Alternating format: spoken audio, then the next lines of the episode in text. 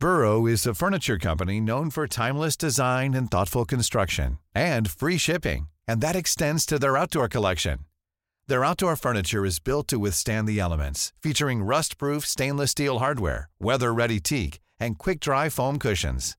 For Memorial Day, get 15% off your Burrow purchase at burrow.com slash ACAST and up to 25% off outdoor. That's up to 25% off outdoor furniture at burrow.com slash ACAST. There's never been a faster or easier way to start your weight loss journey than with PlushCare. PlushCare accepts most insurance plans and gives you online access to board-certified physicians who can prescribe FDA-approved weight loss medications like Wigovi and Zepbound for those who qualify. Take charge of your health and speak with a board-certified physician about a weight loss plan that's right for you.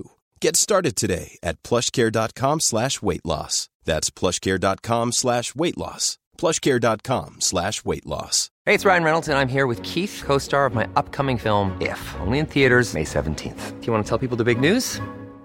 All right, I'll do. Sign up now and you'll get unlimited for $15 a month in six months of Paramount Plus Essential Plan on us. Mintmobile.com slash switch.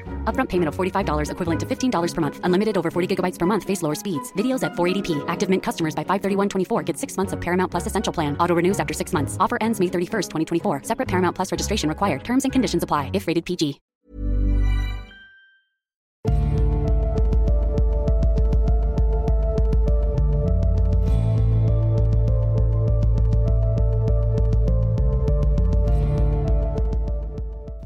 Hei og velkommen til Tåkeprat.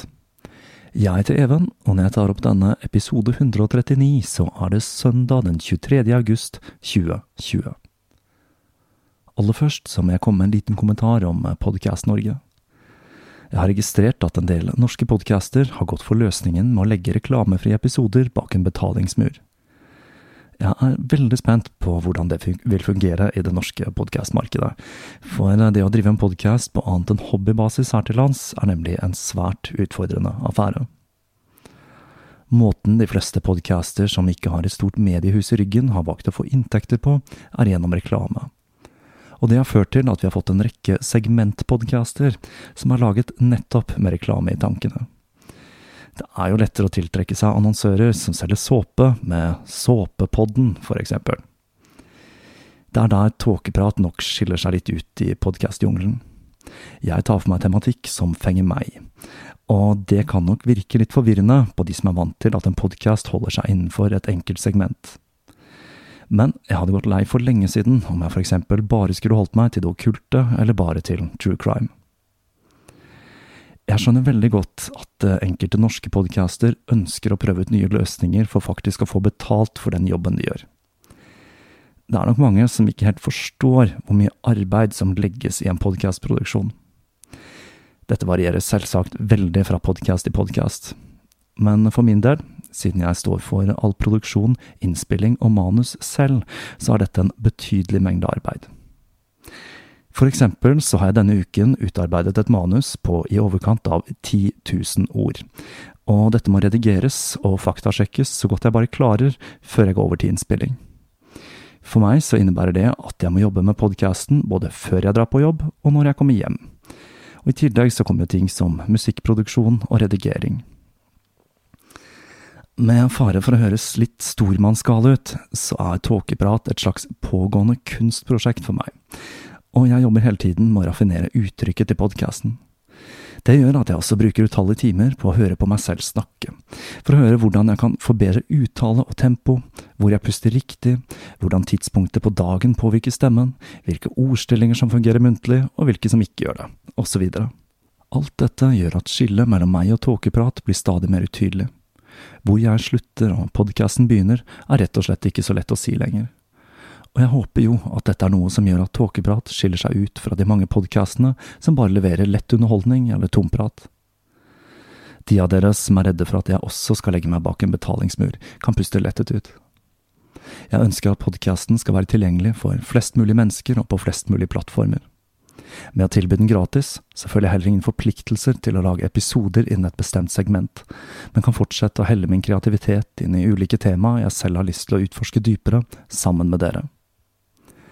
Men det er ikke til å stikke under en stol at jeg gjerne skulle hatt litt mer inntekt fra podkasten, slik at jeg kunne hatt muligheten til å legge enda mer arbeid i den.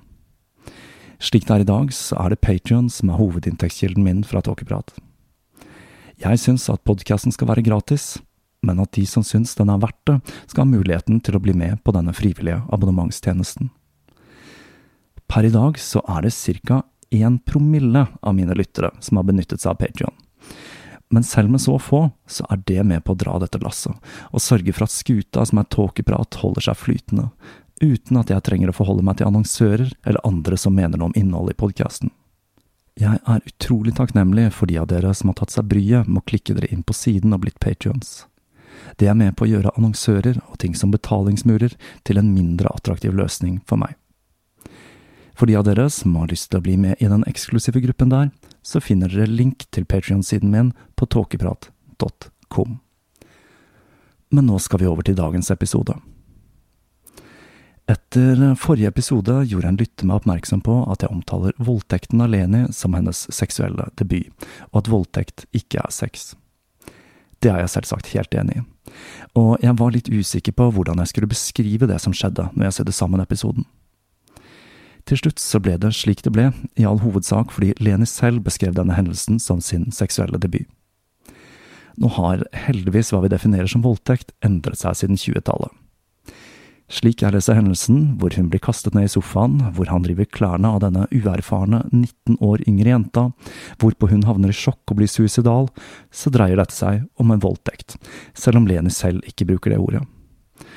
At hun velger å omtale dette som sin seksuelle debut, kan jo kanskje tenkes å skyldes ting som skamfølelse, siden hun senere skulle havne i et forhold med denne mannen. Men hva vet nå jeg.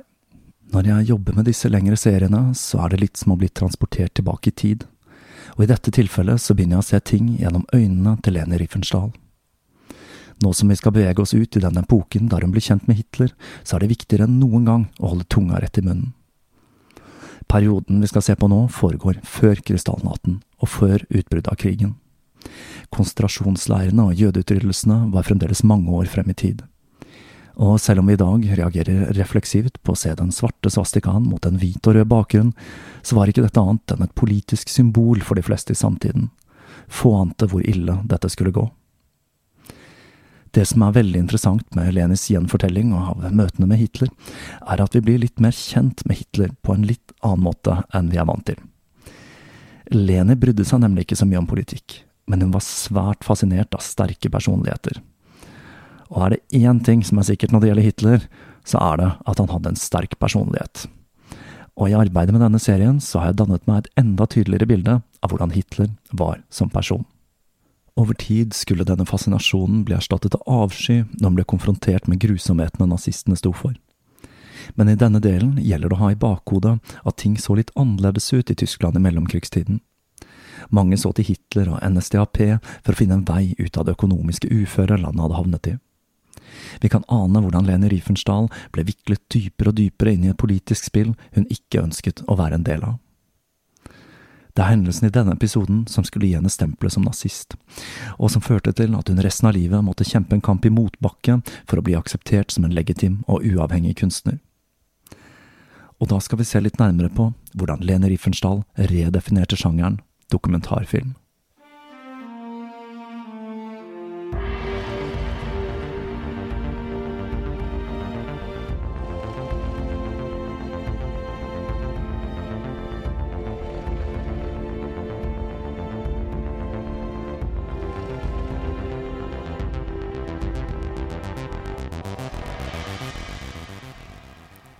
Forrige episode så vi hvordan Lenis debutfilm Det blå lyset ble en braksuksess.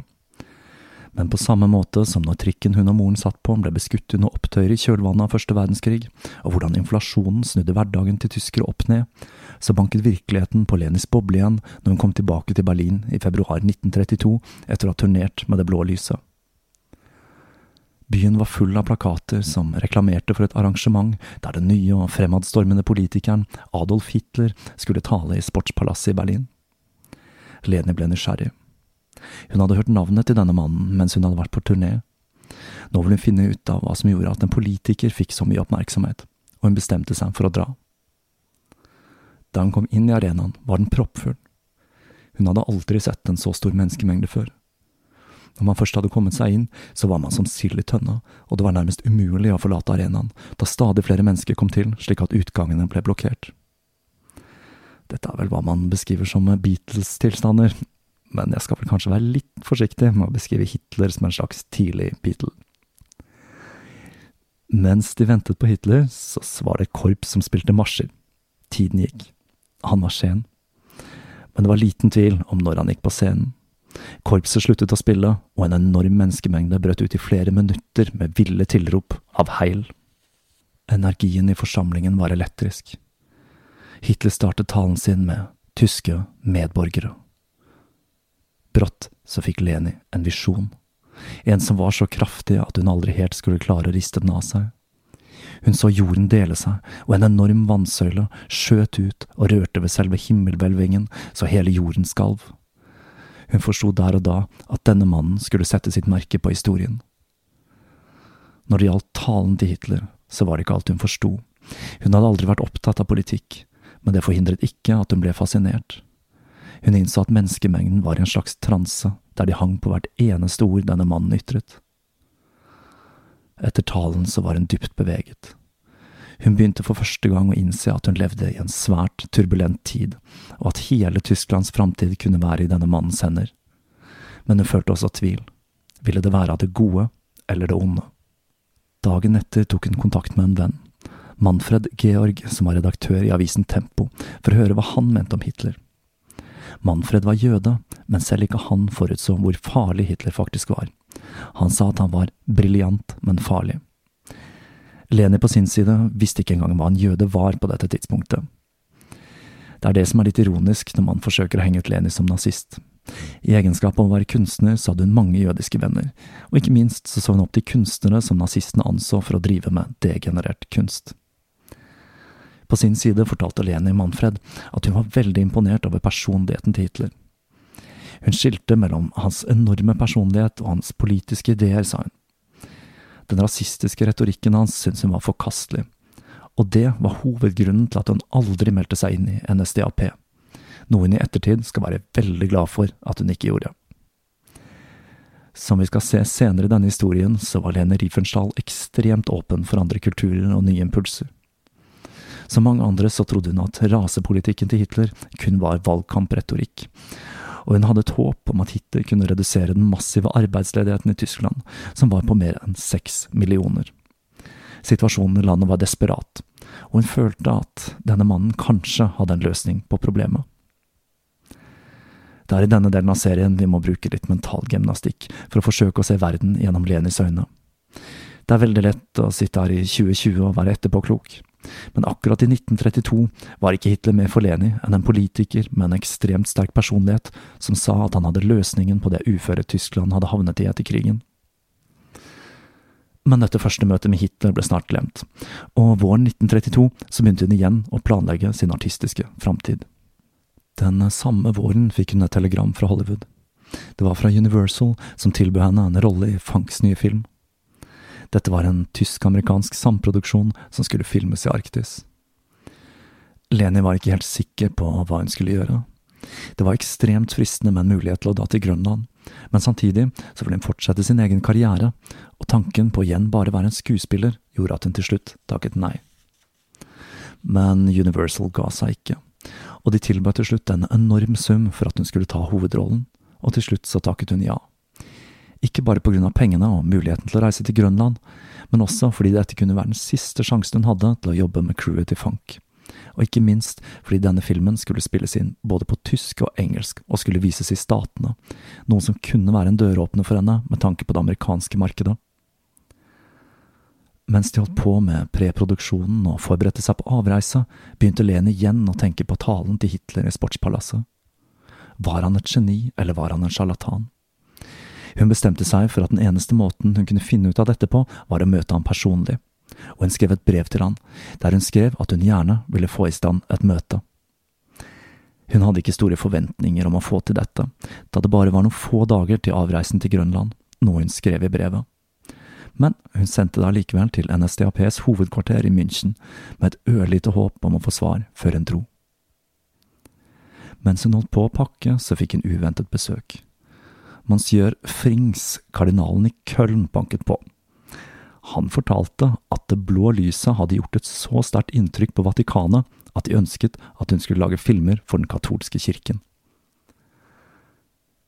Eleni likte denne presten, og ble smigret av tilbudet. Men hun hadde ikke noen planer om å lage bestillingsverk. Så for ikke å skuffe, så sa hun at hun skulle tenke på det mens hun var på Grønland. Filmen, som skulle lages på Grønland, skulle hete SOS Isfjell, og det skulle bli en skikkelig storproduksjon. De hadde med seg 20 tonn med bagasje, to motorbåter og tre fly, i tillegg til to isbjørner fra Hamburg Zoo. For selv om de i løpet av denne filmingen skulle utføre en rekke halsbrekkende stunts, så følte de at det å ta sjansen med ville isbjørner var litt i overkant dristig. Dagen før avreise ringte telefonen til Leni. Dette er Brykner, adjutanten til føreren. Føreren har lest brevet ditt og lurer på om du kan komme på besøk i Wilhelmshaven i morgen. Først trodde Leni det hele var en spøk, men etter hvert skjønte hun at dette var alvor. Universal hadde leid et eget tog for å frakte filmteamet til båten i Hamburg neste dag, men det virket plutselig fjernt og langt unna. Sjokkert over tilbudet var det nesten som hun var i en drøm når hun svarte ja, jeg kommer. Takk, jeg skal fortelle det til føreren, svarte Brykner og la på røret. Tusen tanker suste gjennom hodet til Leni på en gang. Hva nå? Risikerte hun karrieren sin for dette? Men nysgjerrigheten hennes tok overhånd, og muligheten til å møte Hitler gjorde at hun bestemte seg for å ta sjansen. Båten skulle uansett ligge til kai to dager mens utstyret ble lastet. Hun sendte et telegram til Fank, hvor hun skrev at hun var forhindret til å være med på toget, hvor også pressen var til stede, men at hun skulle klare å komme seg til båten i tide på egen hånd.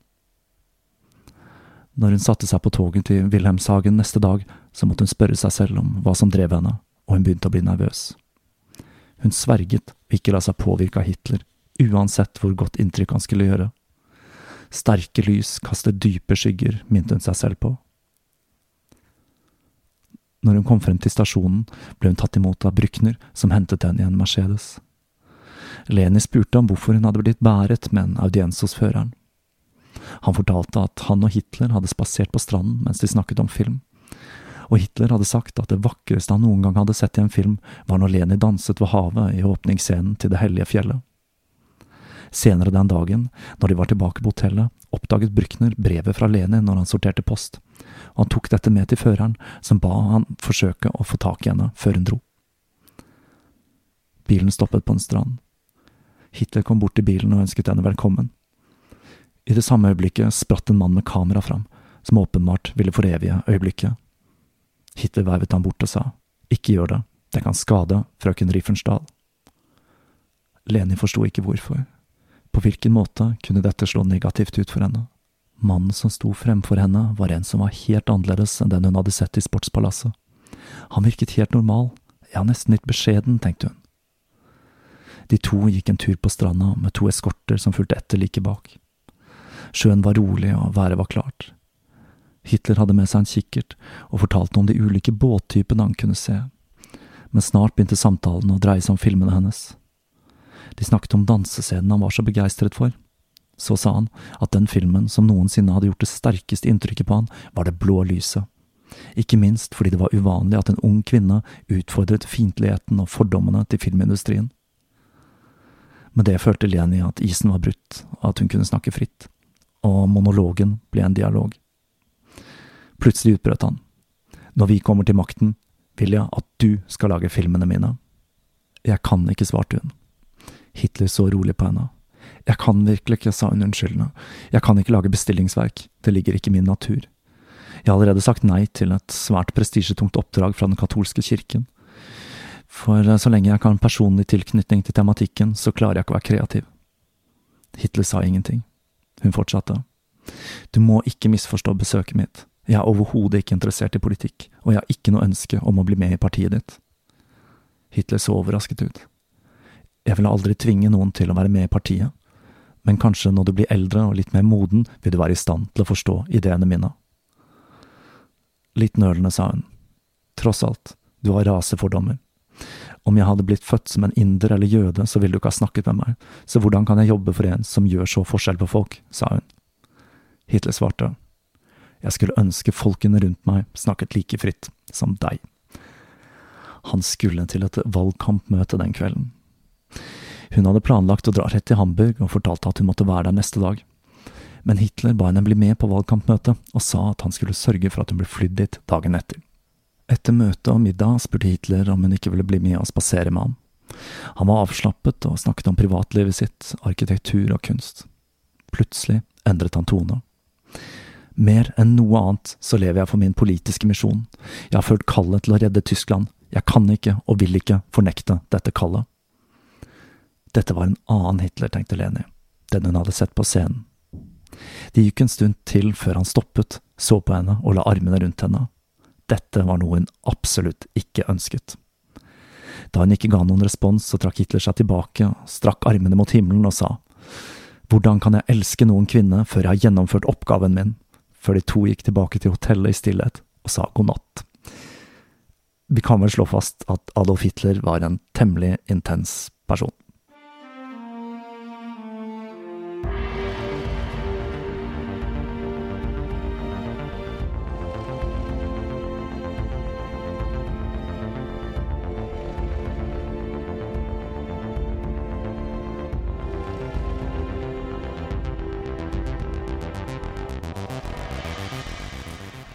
Neste morgenen spiste de frokost, og Hitler var igjen det normale mennesket hun hadde møtt første gangen. Han kysset hånden hennes, sa farvel og ba henne fortelle om opplevelsene på Grønland når hun kom tilbake. Leni lovet å ta kontakt og sa vær forsiktig og pass deg for snikmordere. Svaret fra Hitler var knivskarpt. Jeg skal aldri bli offeret for en snikmorders kule. Leni rakk skipet Borodino som skulle ta dem til Grønland den 24. mai. Innspillingen av denne filmen skulle ikke stå tilbake for de tidligere svært så farlige innspillingene til Arnold Funk. Filmen handler om en redningsaksjon for å finne en forsker som er blitt borte i Arktis. Leni spiller en pilot som er kona til denne forskeren, og som etter hvert forsøker å oppspore ham på egen hånd når den første redningsekspedisjonen også forsvinner i isøda. Mange av scenene i denne filmen blir filmet på isfjell, noe som selvsagt var ekstremt farlig, da disse bryter opp og kantrer. Samtidig så hadde de jo med seg disse to isbjørnene i mange av scenene, og selv om disse var fra en dyrehage, så ville jeg ikke følt meg så altfor trygg drivende rundt på et isfjell med to isbjørn. Et av høydepunktene i filmen er når Lenis karakter Hella lander flyet, men ikke klarer å stoppe i tide før det krasjer i et isfjell og hun må opp i havet før det tar fyr og synker. Dette er jo selvsagt ingen filmeffekt, for flyet det ble ført av Ernst Udett, som dukket ned så han ikke skulle synes på filmen, og Leni hopper ut av det brennende flyet og svømmer i det nummende, kalde Nordishavet på ekte. Dette er en av de filmene som er relativt lett å få tak i da den har Universal i ryggen, og dette er en film jeg koste meg fælt med når jeg så den. Det er ikke så vanskelig å forestille seg at dette var en ganske banebrytende film når den ble sluppet på begge sider av Atlanteren i 1933. Tilbake i Berlin så husket Leni på avtalen med Hitler, og hun ringte han. NSDAP hadde opplevd noen tilbakeslag i den siste tiden. Men selv om Hitler hadde mye å ta fatt i, så ble hun invitert til te klokka fem på hotell Keiserhoff. Da hun tok heisen opp til etasjen hun skulle til, var det sammen med en liten mann med et langt, tynt ansikt og store øyne som nistirret på henne. Dette var det første møtet med en mann som skulle bli en av hennes argeste fiender, dr. Josef Goebbels, som senere ble Hitlers beryktede propagandaminister. Han gikk av i samme etasje som henne, men fikk beskjed om å vente da, før han ikke var klar enda, mens Leni ble ført inn på kontoret hans. Hitler tok henne varmt og energisk imot, og det første han spurte om, var om hennes opplevelse på Grønland.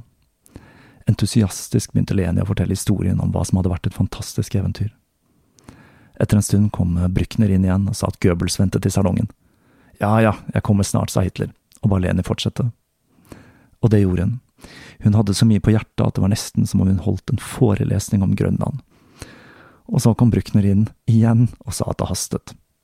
Hitler reiste seg og sa, Unnskyld meg, fraulein Riefenstahl, men fortellingen din var så fengslende at jeg nesten er for sen til valgkampmøtet mitt.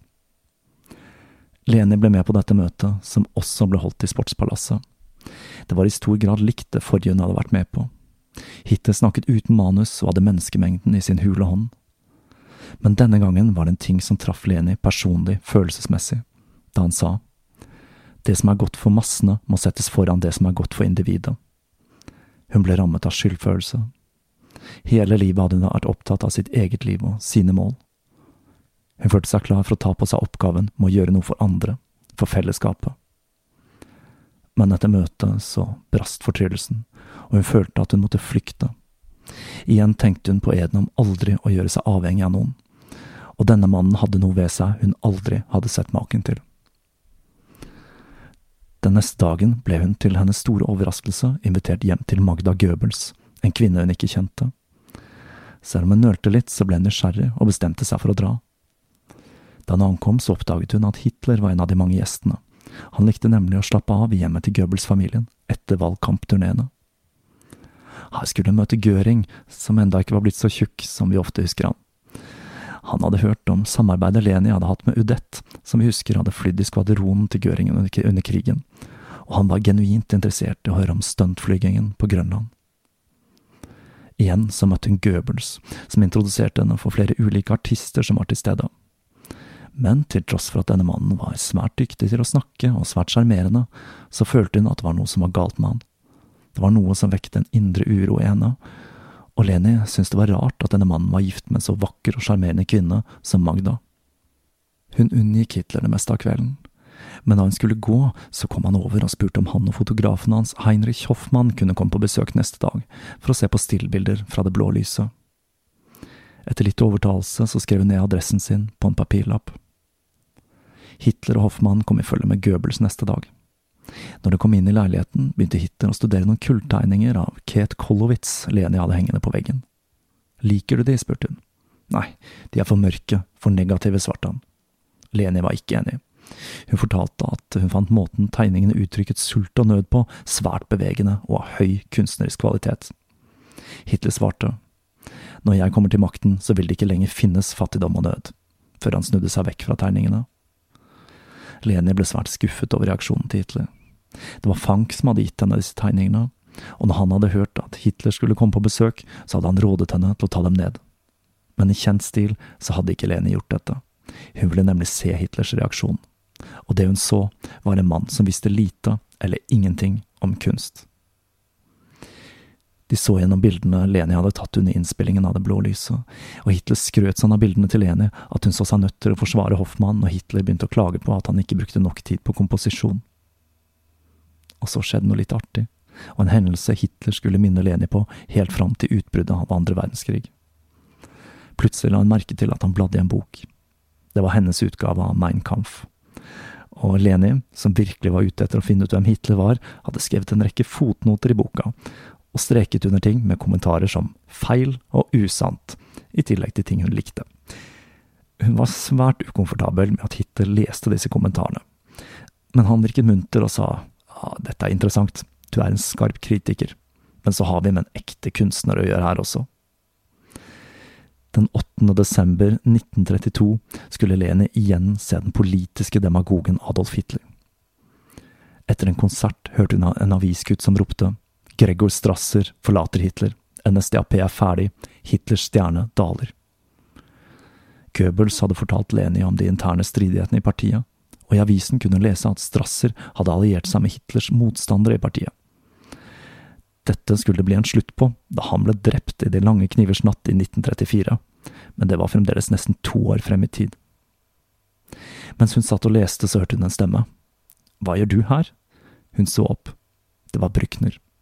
Åh, det er bra jeg fant deg, føreren vil snakke med deg, sa han. Hun lurte på hva han ville med henne nå som det stormet sånn rundt han og partiet. Når jeg møtte ham, så hilste han først på henne, før han begynte å gå hvileløst fram og tilbake i rommet. Ansiktet var blekt, og han var så svett at håret klistret seg til pannen. Han satte i gang med en lang monolog mens han knyttet nevene uten helt å ense at Leni var til stede. Forrædere, svikere, feiginger, også nå, like før den endelige seieren, tåper, vi har gitt alt. Om partiet faller, så må jeg ta livet av meg. Men så lenge jeg har trofaste menn som Hess og Gøring, så kan jeg ikke gjøre det. Jeg kan ikke forlate dem eller de andre trofaste partimedlemmene. Og slik fortsatte det, i en lang strøm av forbannelser over fiendene og alle pliktene han hadde overfor det tyske folk. Så tok han hånden hennes og sa takk for at du kom, før hun forlot ham uten å ha ytret et eneste ord. Hun forsto at han trengte noen å betro seg til.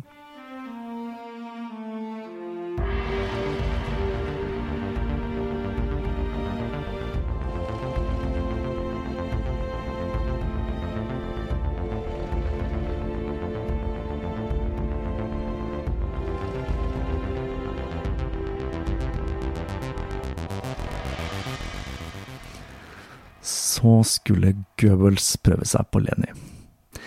Leni likte som sagt ikke Goebbels. Hun følte at det var et eller annet som var galt med han hun ikke helt klarte å sette fingeren på. Og etter hvert skal vi se hvor ufattelig uspiselig denne mannen var. Men han hadde et par positive sider, så la oss starte med de. Under en samtale mellom Leni og Goebbels så hadde de diskutert homofili, noe Hitler mente var en defekt. Leni sa at hun mente at det feminine og maskuline kunne være til stede i alle personer, og hun mente at dette spesielt gjaldt kunstnere. Hun sa også at dette på ingen måte var en defekt eller noe som gjorde et menneske mindre verdt. Og dette var noe Goebbels utrolig nok sa seg enig i. Om han mente det, eller om han bare forsøkte å innynde seg hos Leni, det vites ikke. Samtidig så var han steintøff når det gjaldt å holde taler. På samme måte som hans makker i Norge, doktor Gulbrand Lunde, holdt han taler foran sine argeste Hey, I'm Ryan Reynolds. At Mint Mobile, we like to do the opposite of what Big Wireless does. They charge you a lot, we charge you a little. So naturally, when they announced they'd be raising their prices due to inflation, we decided to deflate our prices due to not hating you. That's right. We're cutting the price of Mint Unlimited from $30 a month to just $15 a month. Give it a try at mintmobile.com slash switch. $45 upfront for three months plus taxes and fees. Promote for new customers for limited time. Unlimited more than 40 gigabytes per month. Slows. Full terms at mintmobile.com. Burrow is a furniture company known for timeless design and thoughtful construction and free shipping, and that extends to their outdoor collection. Their outdoor furniture is built to withstand the elements, featuring rust-proof stainless steel hardware, weather-ready teak, and quick-dry foam cushions. For Memorial Day, get 15% off your Burrow purchase at burrow.com slash ACAST and up to 25% off outdoor. That's up to 25% off outdoor furniture at burrow.com slash ACAST. motstandere, og forlot ikke scenen selv om det ble skreket trusler og kastet ølkrus etter han.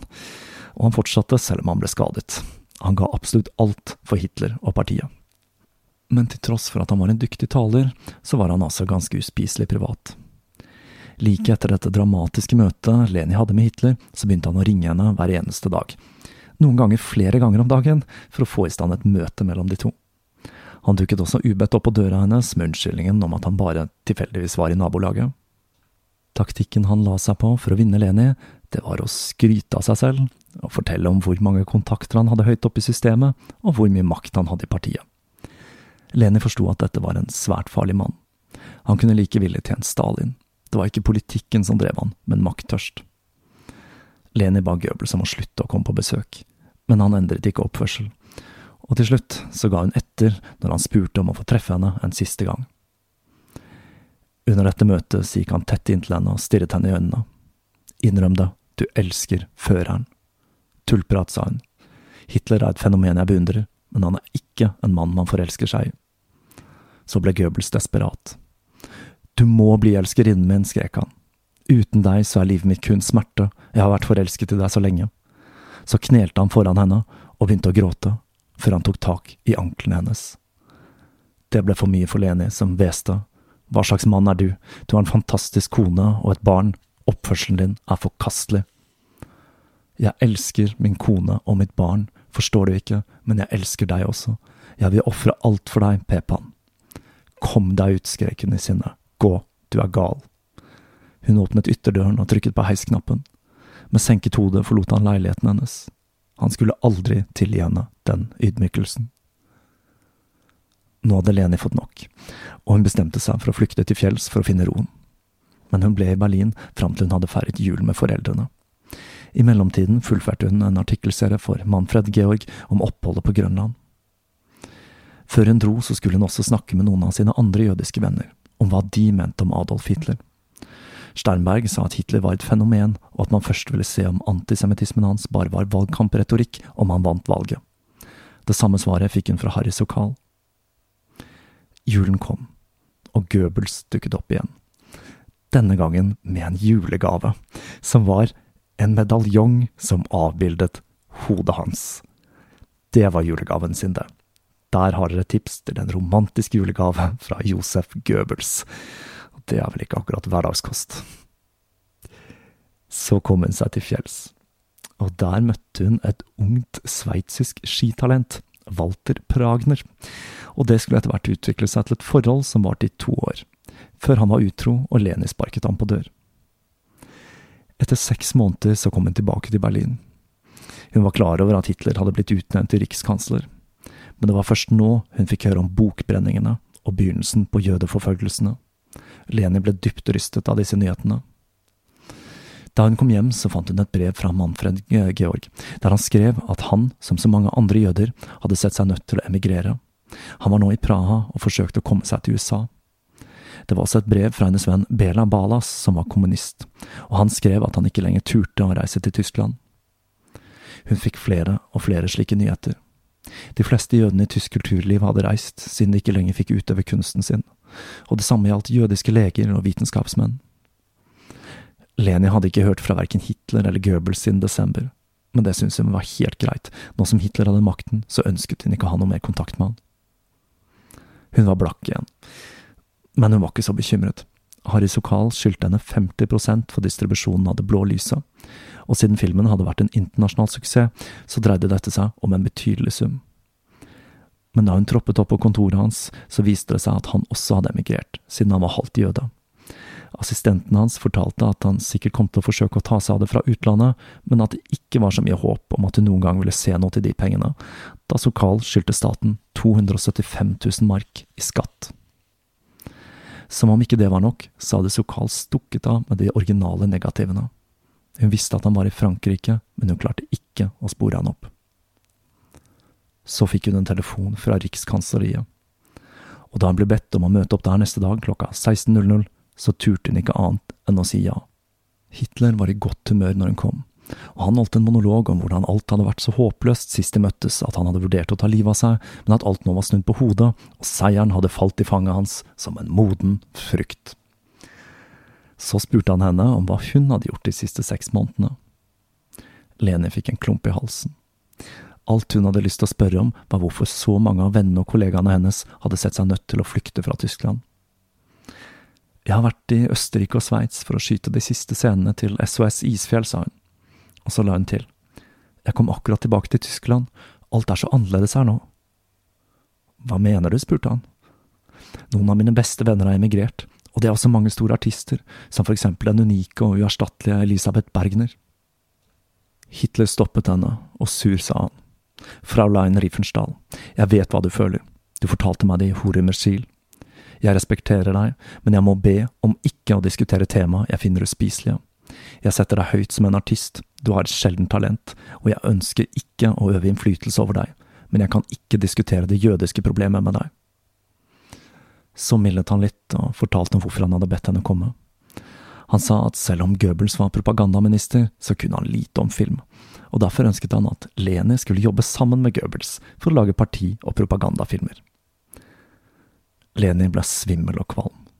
Hitler spurte, Føler du deg vel, du ser litt blek ut. Hun tok seg sammen og rettet seg opp.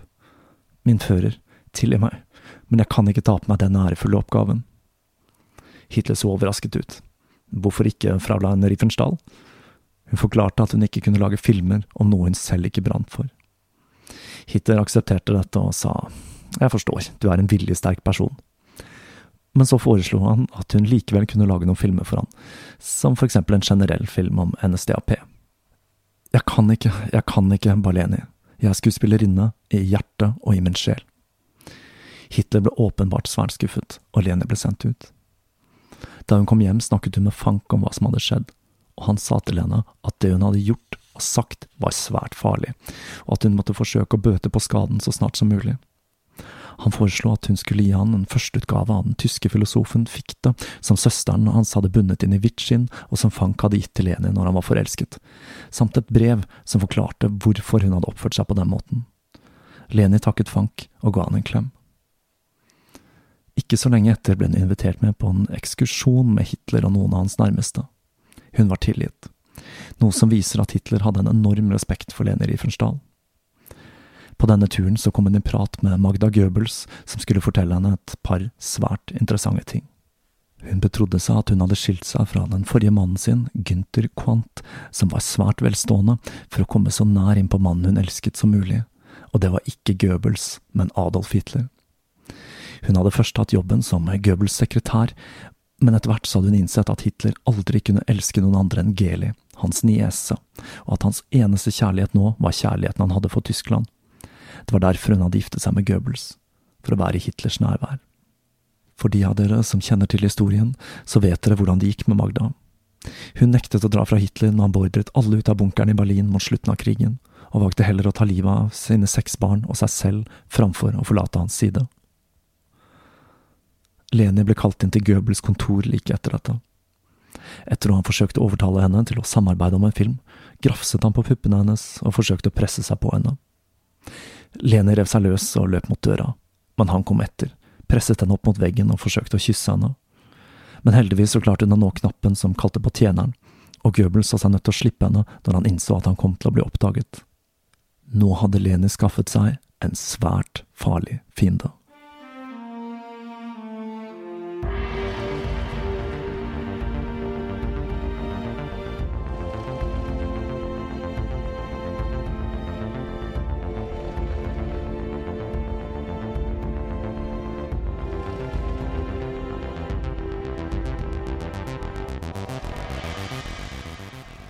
I den siste uka av august 1933 ble Leni invitert på lunsj i Rikskansleriet. Hun var den eneste kvinnen til stede i en forsamling med SA og SS-menn, og hun følte seg fullstendig malplassert. Etter lunsjen kom en blid Hitler bort til henne og spurte om hvordan det gikk med forberedelsene til filmen om partimøtet, og om hun fikk nok støtte fra propagandadepartementet. Leni så ut som et spørsmålstegn. Hitler forsto at hun ikke hadde hørt om planen.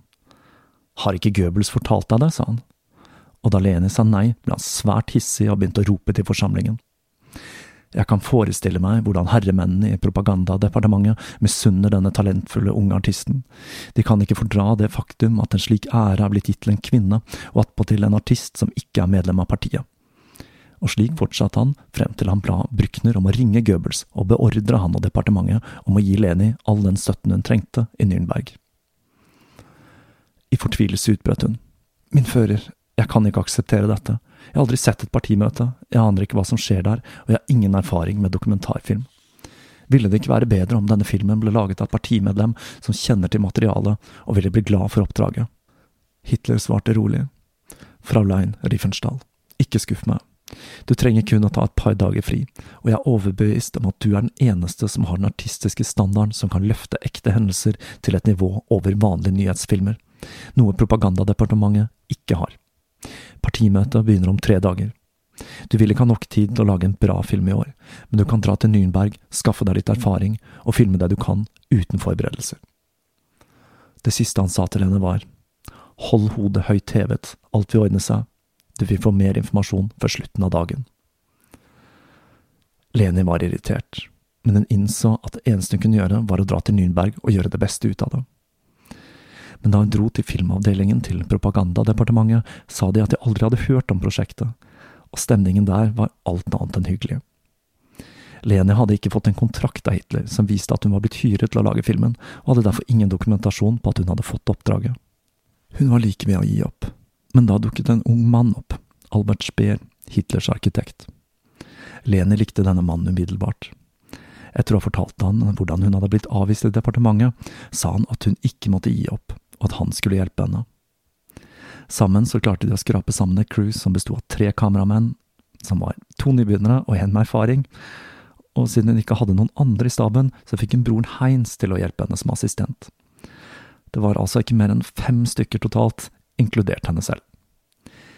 Innspillingen av denne filmen, Troens seier, skulle vise seg ekstremt vanskelig. Leni ble motarbeidet av SA, SS og ikke minst Goebbels, som nå så sitt snitt til å utøve hevn over Leni. Mens hun holdt på å klippe sammen det lille de hadde filmet, så ble hun kontaktet av Rudolf Diels fra det hemmelige politiet. Hun lurte fælt på hva Gestapo ville med henne, men det skulle snart vise seg at det ikke var Gestapo hun trengte å være redd for. Diels fortalte at det var mange partier som var misunnelige på henne siden hun sto Hitler så nære. Det at hun hadde blitt gitt oppdraget med å lage en film om partimøtet, gjorde at det hele hadde spisset seg til, og det gikk et rykte blant konene til SS-mennene om at hun var elskerinnen til Hitler. Det hadde ført til at noen i SS-kretsen hadde planer om å ta livet av henne. Når hun var ferdig med filmen, ble hun betalt 20 000 mark, noe som ikke engang dekket produksjonskostnadene. Filmen, som Leni selv var svært skuffet over, hadde premiere den 1. desember 1933, og den ble godt mottatt av Hitler og partiet. Men originalen til filmen, som ble oppbevart i bunkeren i Berlin, forsvant i transporten etter den ble konfiskert av de allierte etter Tyskland hadde kapitulert. Etter et opphold i Davos fikk Leni en telefon fra Terra Film i Berlin, som lurte på om hun ville spille hovedrollen i en film de kalte Tifland. Dette var en film som skulle foregå i Spania, og som var basert på et gammelt skuespill av Angel Guimera. Etter å ha diskutert dette med Terra, så ble de enige om at hun skulle også spille en rolle på produksjonssiden, og Leni sa ja, ikke minst for å komme seg unna Hitler og hans filmprosjekter. For å sikre seg så fant Leni en regissør hun mente kunne lage neste års partifilm mens hun var borte, Walter Ruthmann. Det var kanskje litt rart at Walter takket ja, for han var kommunist men utrolig nok så ble han ganske så entusiastisk når hun foreslo at han skulle lage partifilmen for 1934. I tillegg så nektet hun å samarbeide mer med propagandadepartementet, og sa at alle filmer som skulle lages om NSDAP måtte finansieres privat, og hun fikk til en avtale mellom UFA og sitt eget selskap, LR Studiofilm Inc. Det første forsøket på å lage Tifland skulle falle i fisk, og det endte med at Leni fikk et nervøst sammenbrudd og måtte tilbringe to uker på sykehuset. Grunnen til at jeg nevner dette, er at Tiflan, som Leni etter mange forsøk skulle klare å lage, skulle bli et av de viktigste kortene til fienden hennes for å linke henne til konsentrasjonsleirene og nazistenes folkemord, men det skal vi se litt på senere i denne serien. Når Leni kom tilbake til Berlin, så fikk hun et sjokk. Ruthmann hadde allerede brukt en tredjedel av budsjettet til partifilmen, og det han hadde produsert så langt, var ekstremt dårlig. Så dårlig at det var ubrukelig. Dette dreide seg om klipp fra aviser, propagandaplakater og lignende som for over lerretet i et totalt kaos. Han fortalte Leni at han hadde vært deprimert i denne perioden, og at han ikke hadde innsett hvor lite materiale han hadde å jobbe med. Fortvilet tok Leni kontakt med Rudolf Hess, som hadde vært en av de som motarbeidet henne under filmingen av Troens seier. Hun fortalte at hun ville trekke seg fra prosjektet. Hess var overraskende forståelsesfull, og han fortalte at hun kunne treffe Hitler i Nürnberg. Leni satte seg i bilen og kjørte til Nürnberg. Alt hun ville var å slippe å lage denne filmen. Da hun kom til stedet der de var i gang med å gjøre i stand til partimøtet, fant hun Hitler omgitt av en gruppe menn, som inkluderte Brückner og Hoffmann. Etter de hadde hilst, sa Hitler.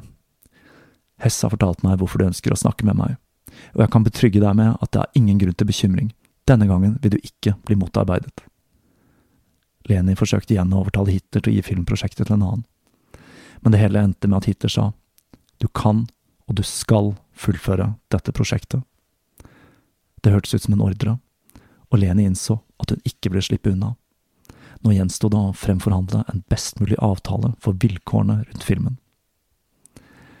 Hun sa at hun trengte total frihet rundt innspillingen, uten innblanding fra Goebbels og folket hans. Hun krevde total finansiell frihet fra NSDAP. Så sa hun til en mer og mer irritert Hitler at hun ikke ville ha en deadline. Og helt til slutt sa hun, om jeg lager denne filmen for deg, så må du love at jeg etter dette vil være helt fri til å lage de filmene jeg ønsker, og at jeg ikke trenger å lage flere bestillingsverk. Dette må være min belønning. Jeg ber om unnskyldning for å komme med dette ønsket, men jeg kan ikke fortsette å leve om jeg må gi opp min skuespillerkarriere. Hitler lysnet litt til, fornøyd med at Leni hadde gitt etter. Han tok hendene hennes og sa, Takk, fraulein Riefensdahl, jeg skal holde løftet mitt. Etter denne filmen kan du lage hvilke filmer du selv ønsker. Og denne gangen skulle prosjektet bli noe helt annet enn det forrige årets film. Leni hyret 18 kameramenn, som alle hadde hver sin assistent, og leide et eget hus i Nürnberg for å huse filmcrewet, som totalt besto av 170 personer.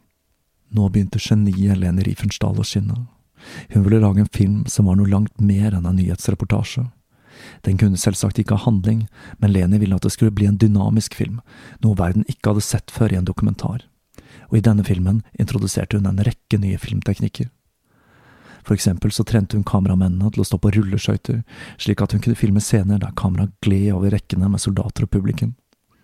Hun bygde også skinner hvor enn det var plass til det, og fikk en heis installert i en 50 meter høy flaggstang bak scenen, som holdt oppe ett av tre enorme svastikabannere. Når jeg så filmen, som skulle hete Viljens triumf, om igjen i sommer, etter å ha lest om denne innspillingen, så så jeg denne kameraheisen ganske tydelig i en del av scenene. Hun fikk også bygget en sirkelformet skinne rundt podiet for å gjøre talene mer spennende og litt mindre stillestående. Selv om dette var et prosjekt hun egentlig ikke ville ha, så var det nå hun innså at hun hadde et talent som dokumentarfilmskaper. Utfordringen var å skildre en begivenhet på en så ekte måte som mulig, uten å påvirke de faktiske hendelsene.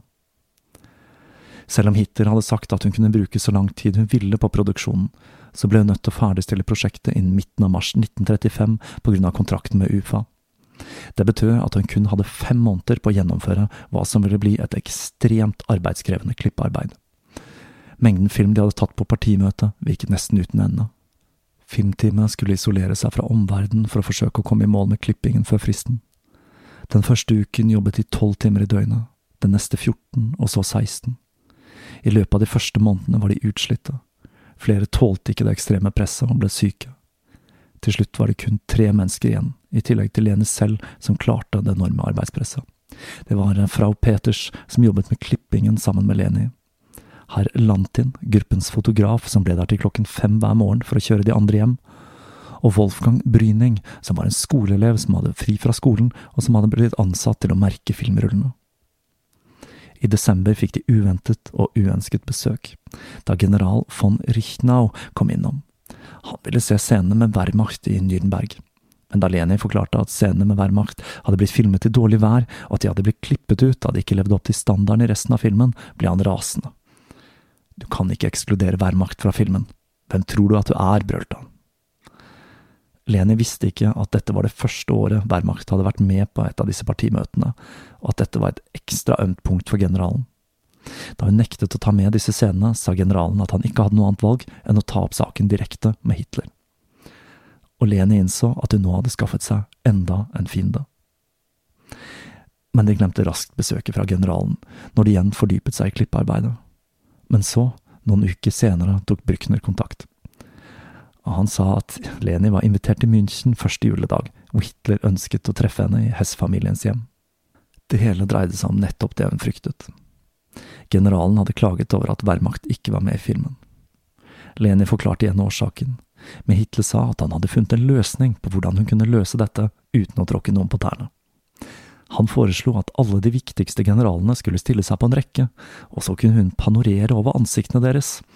Dette var en fin intro til filmen, sa Hitler og han ble mer og mer entusiastisk over sin egen idé, mens Leni ble mer og mer nedslått, og etter hvert presset tårene på. Hva er galt, spurte han. Jeg prøver bare å hjelpe deg. Leni begynte å gråte, mens Hitler fortsatte på tiraden om hvor fortreffelig ideen hans var. Til slutt så glemte hun helt hvem hun snakket med, hun syntes ideen hans var forferdelig. Hun begynte å trampe i gulvet og skrek, jeg kan ikke, jeg kan ikke gjøre det. For første gang så opplevde hun at Hitler ble sint. Har du glemt hvem du snakker til? Du er så sta som et esel, jeg tenker bare på ditt eget beste. Men om du ikke vil, så får du la være. Så kom Leni med et forslag. Jeg kan gjøre det bra igjen. Til neste år kan jeg lage en egen kortfilm om Wehrmacht. Det bør blidgjøre generalene. Oppgitt sa Hitler. Det er din avgjørelse, før han gikk ut av rommet i følge med fru Hess. Leni beskriver den siste delen av redigeringen av Viljens triumf som hennes martyrdom All tid gikk nå med til klipping, og fra Peters sov nå hjemme hos Leni for å spare tid. De hadde jobbet så intenst med filmen at hun begynte å miste evnen til å se hva som var bra og hva som var dårlig. Hun begynte å kjenne på en nagende tvil. Den 28. mars 1935, timer før premieren, gjorde de ferdig det siste klippearbeidet. Og de hadde ikke engang tid til å vise den frem til sensuren før premieren, noe som betød at det var kun filmteamet selv som hadde sett filmen. Forsinket ankom Leni i lokalet der alle æresgjestene, inkludert Hitler, ventet utålmodig. Lyset ble dempet og filmen startet. Leni var livredd for at hun hadde gjort noen feil, og holdt øynene lukket under mesteparten av filmen. Men hun la merke til at det ble klappet mer og mer underveis, og da filmen var ferdig, ville applausen ingen ende ta. Når Hitler takket henne og rakte henne en blomsterbukett, så ble det for mye. All den intense jobbingen og spenningen under visningen gjorde at hun besvimte. Etter krigen skulle denne hendelsen bli brukt mot Leni, og tyske tabloider skrev at hun besvimte når hun så dypt inn i øynene til Hitler etter han hadde gitt henne en diamantring. Etter alt presset dro hun på enda en ferie til Davos, og mens hun var der, så fikk hun et telegram om at filmen hadde vunnet den nasjonale filmprisen. Men selv om Hitler også sendte et gratulasjonstelegram, så følte hun at dette ikke veide opp for alt arbeidet hun hadde lagt i filmen. Hun var fullstendig utslitt etter de intense månedene med klipping og intriger, og hun var nå blitt synlig preget av arbeidet. Når hun kom hjem til Berlin, ble hun invitert i operaen av Goebbels og kona. Og under denne forestillingen begynte Goebbels å beføle Leni, noe hun fant ekstra motbydelig da hun oppdaget at Magda, som satt bak dem på balkongen, var blitt gravid igjen. Hun innser ikke at hun er gift med en djevel, tenkte hun for seg selv. Leni trente friidrett annenhver dag for å holde seg i form. En dag hun drev med høydehopp, kom en middelaldrende mann bort til henne og presenterte seg som professor Carl Diem, generalsekretær i komiteen for OL i Berlin i 1936. Han sa at han hadde planlagt å møte henne der, og snart forsto hun hvorfor. Han hadde sett Viljens triumf, og fordi neste års OL skulle bli en spektakulær affære der den olympiske ilden skulle fraktes med løper fra Aten til Berlin, så ville det være synd og skam å ikke dokumentere det hele, sa han. Leni ble oppgitt. Hun hadde jo sverget å aldri lage flere bestillingsverk. Umulig, sa hun. Men han ga seg ikke. Han sa at det de var ute etter, var en film som reflekterte det olympiske idealet, og ikke en vanlig dokumentarfilm. Når hun fortalte om problemene hun hadde hatt med Goebbels og propagandadepartementet, så kunne han berolige henne med at det hele ville bli organisert av IOC og ville være helt uavhengig av tyske myndigheter. Leni hadde fremdeles ingen planer om å ta på seg oppdraget, men hun ble litt nysgjerrig og sa seg villig til å treffe kansleren i IOC til lunsj samme dag. Det skulle vise seg at denne mannen var veldig begeistret for det blå lyset, og han forsøkte alt han kunne å overtale Leni til å ta på seg prosjektet, og hun sa at hun skulle tenke på det. En liten gnist ble tent i Leni. Hun begynte å se for seg hvordan hun kunne trekke inn gresk mytologi for å knytte sammen nåtid og fortid til en prolog til filmen. Selv om det er fristende å gå i dybden på produksjonen av Olympia, som kanskje er Leni Riefenstahls beste og mest banebrytende film, så får jeg oppsummere med å si at hun skulle videreutvikle filmteknikkene hun hadde brukt under filmingen av Viljens triumf, men denne gangen skulle det bli enda mer storslått, og langt flere var involvert i produksjonen. Med den samme iherdige innsatsen og blodslit som hun hadde utvist tidligere, så skapte hun en film i to deler, Nasjonens festival og Skjønnhetens festival, som til sammen skulle utgjøre Olympia. Her kan vi blant annet se legenden Jesse Owens i aksjon.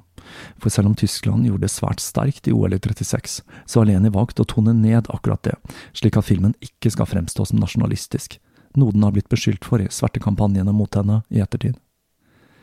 Hitler fortalte Leni at han egentlig ikke hadde lyst til å delta på OL, fordi han var redd alle disse negerne kom til å vinne, slik som Jesse Owens.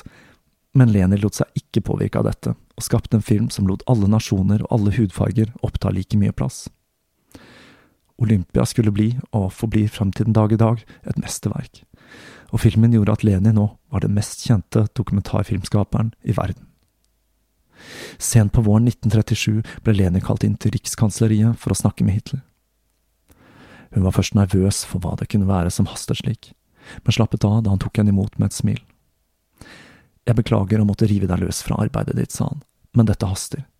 Kan du invitere meg og Goebbels på te hjemme hos deg i morgen? Litt fortumlet sa hun at hun ikke hadde møblert ferdig den nye leiligheten sin, men at det kunne la seg gjøre. Glimrende, sa Hitler og rakte henne en avis. Det var en utgave av den sveitsiske avisen Weltwoche, og overskriften på forsiden var det tredje rikets falne engel. Leni skumleste artikkelen. Der kunne hun lese at hun var blitt kastet ut av landet fordi Goebbels hadde oppdaget at hun var jøde. Nå forsto hun hvorfor han ønsket å komme på besøk. Ved å ta bilder av de tre sammen, så ville de torpedere ryktene om at hun hadde dratt i eksil, og at hun var en jøde. Selv om hun ikke syntes det var så fryktelig stas å bli tatt bilde av mens Goebbels rakte henne en bukett med røde roser, så gikk hun med på dette for å gi Hitler litt sjelefred. Lite visste hun hvilken pris hun skulle betale for det bildet etter Tyskland tapte krigen.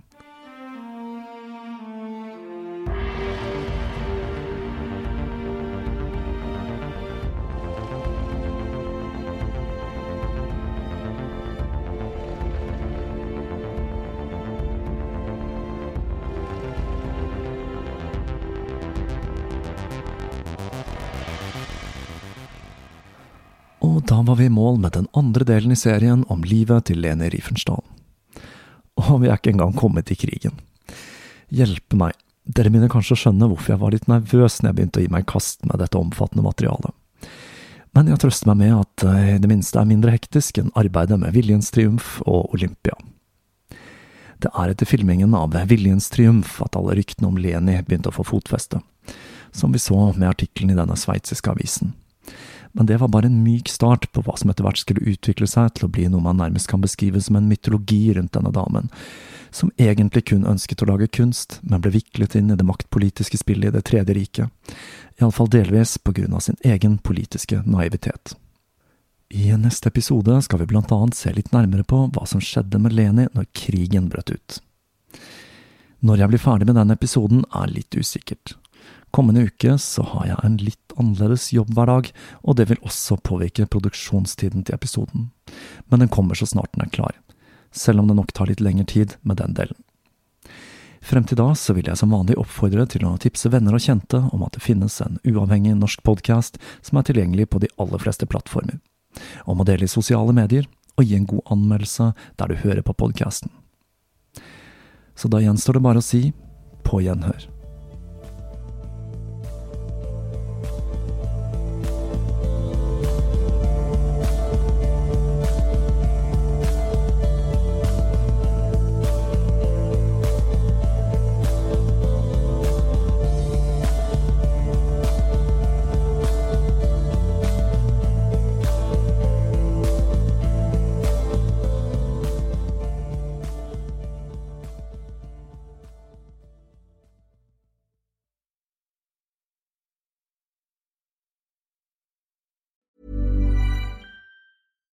Hi, I'm Daniel, founder of Pretty Litter. Cats and cat owners deserve better than any old fashioned litter. That's why I teamed up with scientists and veterinarians to create Pretty Litter. Its innovative crystal formula has superior odor control and weighs up to 80% less than clay litter. Pretty Litter even monitors health by changing colors to help detect early signs of potential illness. It's the world's smartest kitty litter. Go to prettylitter.com and use code ACAST for 20% off your first order and a free cat toy. Terms and conditions apply. See site for details. Even when we're on a budget, we still deserve nice things. Quince is a place to scoop up stunning high end goods for 50 to 80% less than similar brands. They have buttery soft cashmere sweaters starting at $50, luxurious Italian leather bags, and so much more. Plus, Quince only works with factories that use safe, ethical, and responsible manufacturing. Get the high-end goods you'll love without the high price tag with Quince. Go to quince.com slash style for free shipping and 365-day returns. Even when we're on a budget, we still deserve nice things. Quince is a place to scoop up stunning high-end goods for 50 to 80% less than similar brands. They have buttery soft cashmere sweaters starting at $50, luxurious Italian leather bags, and so much more. Plus, Quince only works with factories that use safe, ethical, and responsible manufacturing. Get the high-end goods you'll love without the high price tag with Quince. Go to quince.com slash style for free shipping and 365-day returns.